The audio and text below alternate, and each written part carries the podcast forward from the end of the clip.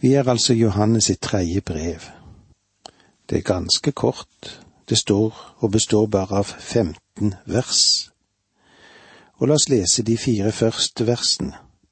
Den eldste til Gaius, min kjære, som jeg elsker i sannhet. Du kjære, jeg ønsker at du i alle ting må ha det godt og være ved god helse, like som din sjel har det godt for jeg ble meget glad da det kom noen brødre og vitnet om din sannhet, slik som du vandrer i sannhet.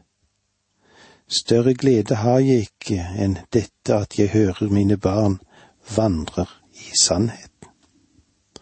Forfatteren av dette lille brevet, eller denne lille epistelen, eller dette lille budskapet, det er apostelen Johannes. Det er eh, den mannen som for ettertiden har fått tilnavnet Kjærlighetens apostel. Men eh, du vet, Jesus han ga han et annet navn. Han ga han tilnavnet en tordensønn. Og begge disse betegnelser kan være riktige. Det er avhengig av hvilken synsvinkel du betrakter denne mektige Herrens tjener på. Kjærlighetens apostel, eller en tordensønn. Når det gjelder dateringen av dette brevet, så er en del bibelforskeres mening at det var Johannes som skrev sine pistler etter at han hadde skrevet åpenbaringsboken. Mitt synspunkt etter det jeg har fått med meg, går i retning av den samme konklusjonen. Det betyr at disse brevene ble skrevet mot slutten av det første århundret altså et sted mellom år 90 eller 100 etter Kristus. Men som du forstår er det vanskelig å datere mer nøyaktig enn dette.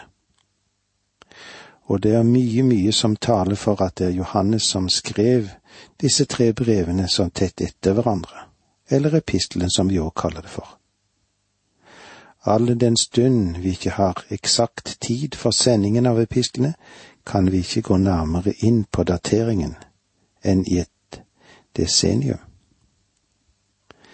Tema for dette brevet, eller i brevene i sitt første brev, så understreker Johannes at Guds familie må holdes sammen gjennom kjærlighet, og at barna i denne familien skal elske hverandre.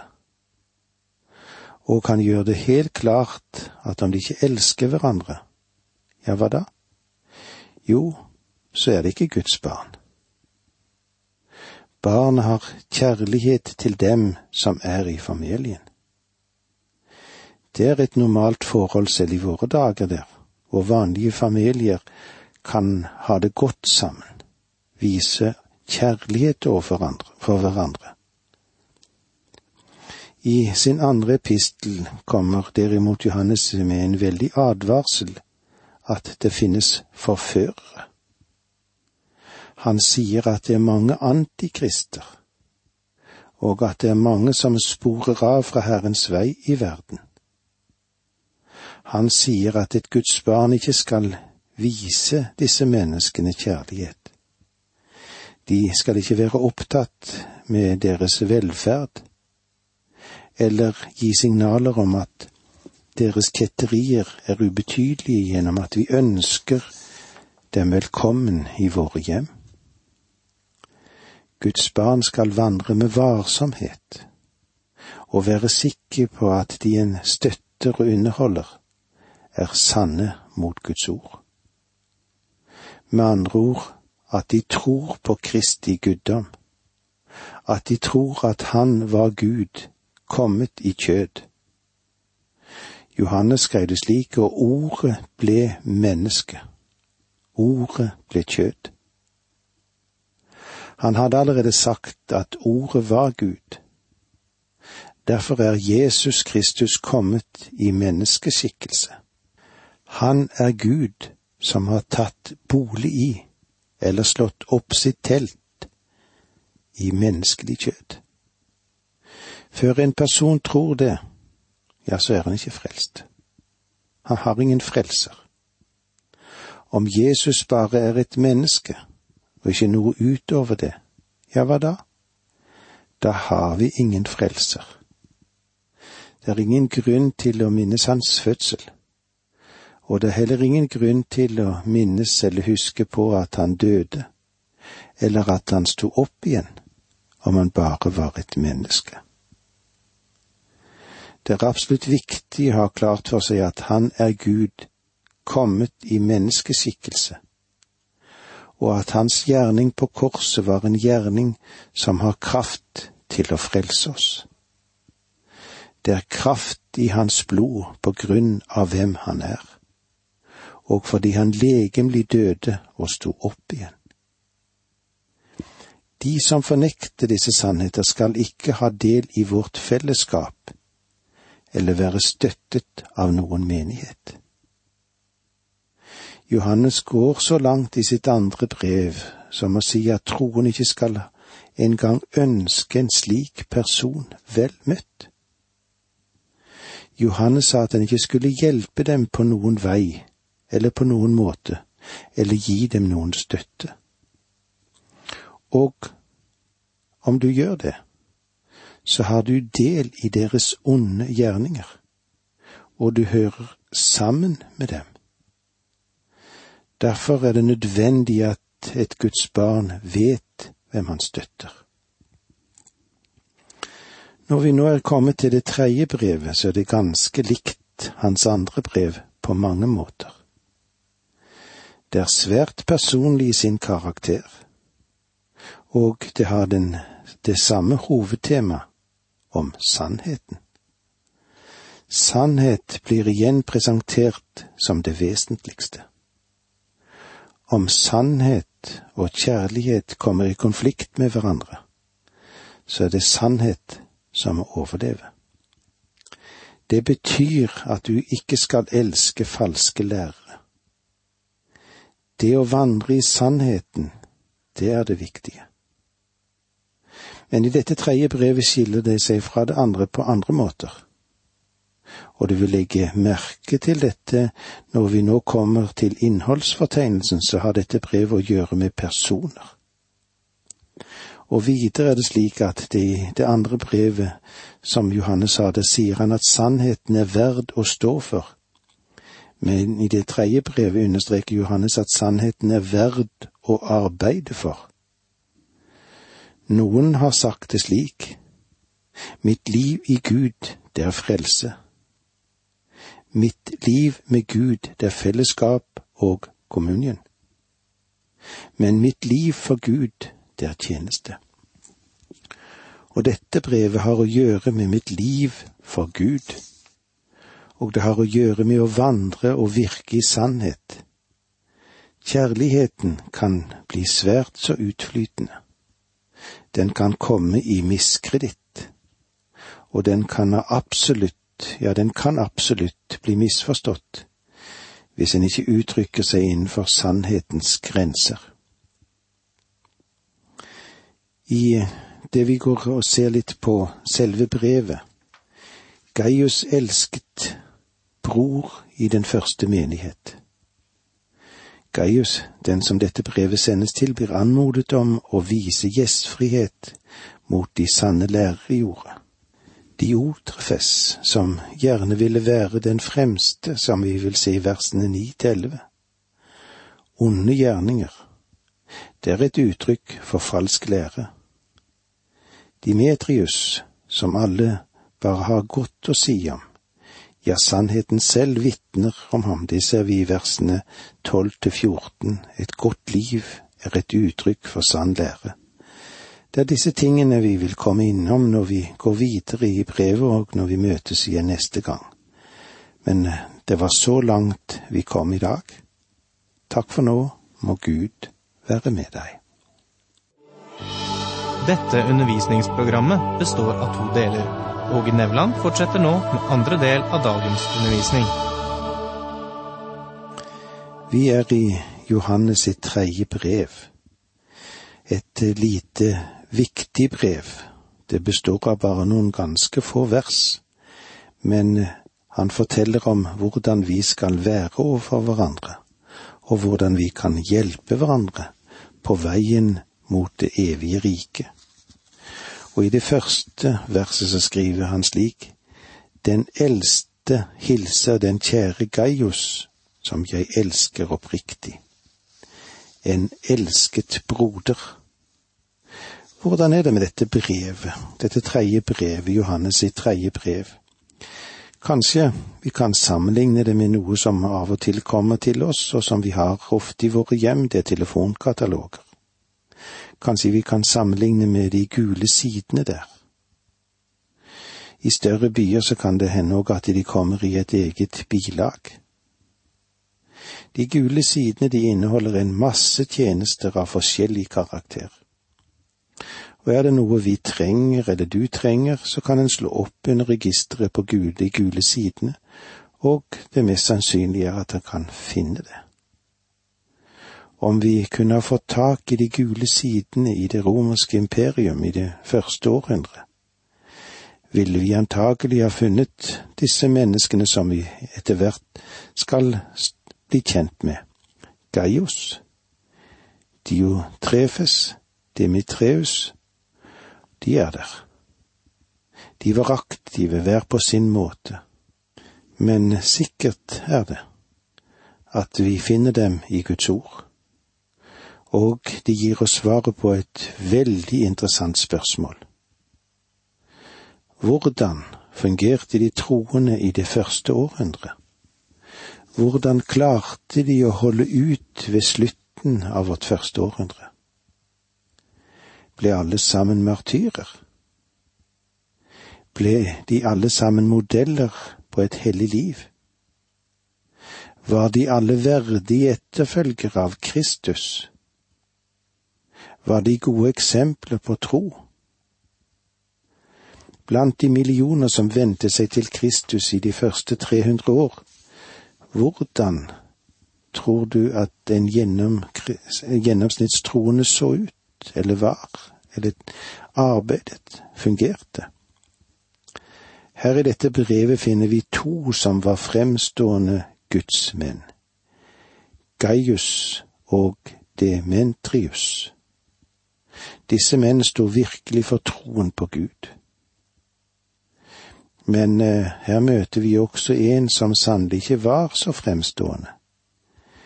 De, Diotrefes sto ikke i det hele tatt. Han gjorde alt annet enn å stå oppreist for sannheten. Men først, la oss se litt på Gaius, en elsket bror. Og vi leser det første verset. Den eldste hilser den kjære Gaius, som jeg elsker oppriktig. Den eldste. Som han gjorde i sitt andre brev, så bruker Johannes her også termen eldste. Det kan jo henvise til alder. Han er i nittiårene når han skriver dette brevet, og han er absolutt en presbyter en eldste hva alder angår. En må vel òg kunne si at han har blitt en pensjonist nå. Men en eldste taler også om tjeneste i den første menighet. Og Johannes kunne sannelig også påberope seg det. Faktisk så kunne han ha løftet seg høyere enn det. Han kunne jo ha sagt jeg er apostel, men han gjør ikke det. Gaius er en venn, og du skriver ikke slik til en venn. I det minste skriver ikke jeg slik til en personlig venn. Johannes skriver til en personlig venn, og han sier ganske enkelt. Den eldste hilser den kjære Gaius. Jeg liker denne hilsenen. Hvordan er det med deg? Den eldste hilser den kjære Gaius. Johannes brev er adressert til en troende i den første menighet ved navnet Gaius. Gaius var en elsket bror i menigheten. Fire ganger kaller Johannes ham den kjære eller elsket. Du kan se det i versene 1, 2, 5 og 11. Johannes kjenner ham og elsker ham i Herren. Og han skriver nå et brev til denne broderen så åpenbart er en aktiv person i en lokal menighet. Som jeg elsker oppriktig, eller som dog står som jeg elsker i sannhet. I og med denne formuleringen får vi et signal om at Gaius fører en sunn lære. Han aksepterer Kristi guddom. Gaius er en mann som sto for sannheten. Han, og han ikke bare sto for den, men han arbeidet for sannheten. Her er en mann som vandret og virket i kjærlighet. Han ga kjærligheten et navn. Du må tenke rett om du skal handle rett, og det er sant på ethvert livsområde, også i våre dager. Vers to Min kjære, først og fremst ønsker jeg at du får være frisk og ha det godt, like godt som du har det åndelig. Min kjære. Johannes må ha hatt høye tanker om Gaius og stått ham svært nær. Enda en gang så kaller han han altså min kjære. Først og fremst ønsker jeg at du får være frisk og ha det godt. Johannes gjør det ganske enkelt klart at han ønsker at Gaius må ha, alt, ha det alt sammen godt, at han skal ha det bra, ikke bare når det gjaldt økonomisk, selv om han kanskje har vært en mann med noe formue. Men Johannes sier også, jeg håper at helsen din blir bedre også. Og her virker det som om Gaius ikke har vært helt fysisk sterk. Det som òg er klart for oss, er at Johannes må ha stått i et særlig nært forhold til denne personen Gaius. Det vitner stadig om dette med de gjentatte uttrykk som han har varme tanker og kjærligheter til han. Elskede. Det er nevnt to ganger. Det er nesten i det meste laget, dette. Kanskje overbetoner han det. I sannhet. Jo, det er virkelig oppriktig, dette. Han har en kjærlighet. Her er det ikke fraser og fromt snakk. Han ønsker at han må ha det godt både til legeme og sjel i alle deler må ha det godt og være ved god helse, like som din sjel har det godt. Ha det godt. Ha det godt på veien eller på reisen. At du må ha lykke og ha fremgang. At hans sjel har det godt, det forstår vi enda bedre av det apostelen har å si oss videre utover i dette brevet. Like godt som du har det åndelig. Johannes ønsket at hans sjel fortsatt skulle ha det bra, at han skulle vokse åndelig, slik som han hadde gjort det nå. Det finnes kanskje altfor mange av oss kristne i dag som er åndelig syke. Deres fysikk er det ingenting i veien med, men når det gjelder den åndelige situasjonen, så er helsesituasjonen ikke så god. Det er bra for et Guds barn å være ved god helse både fysisk og åndelig. Og fysisk helse, det er en vidunderlig gave, det.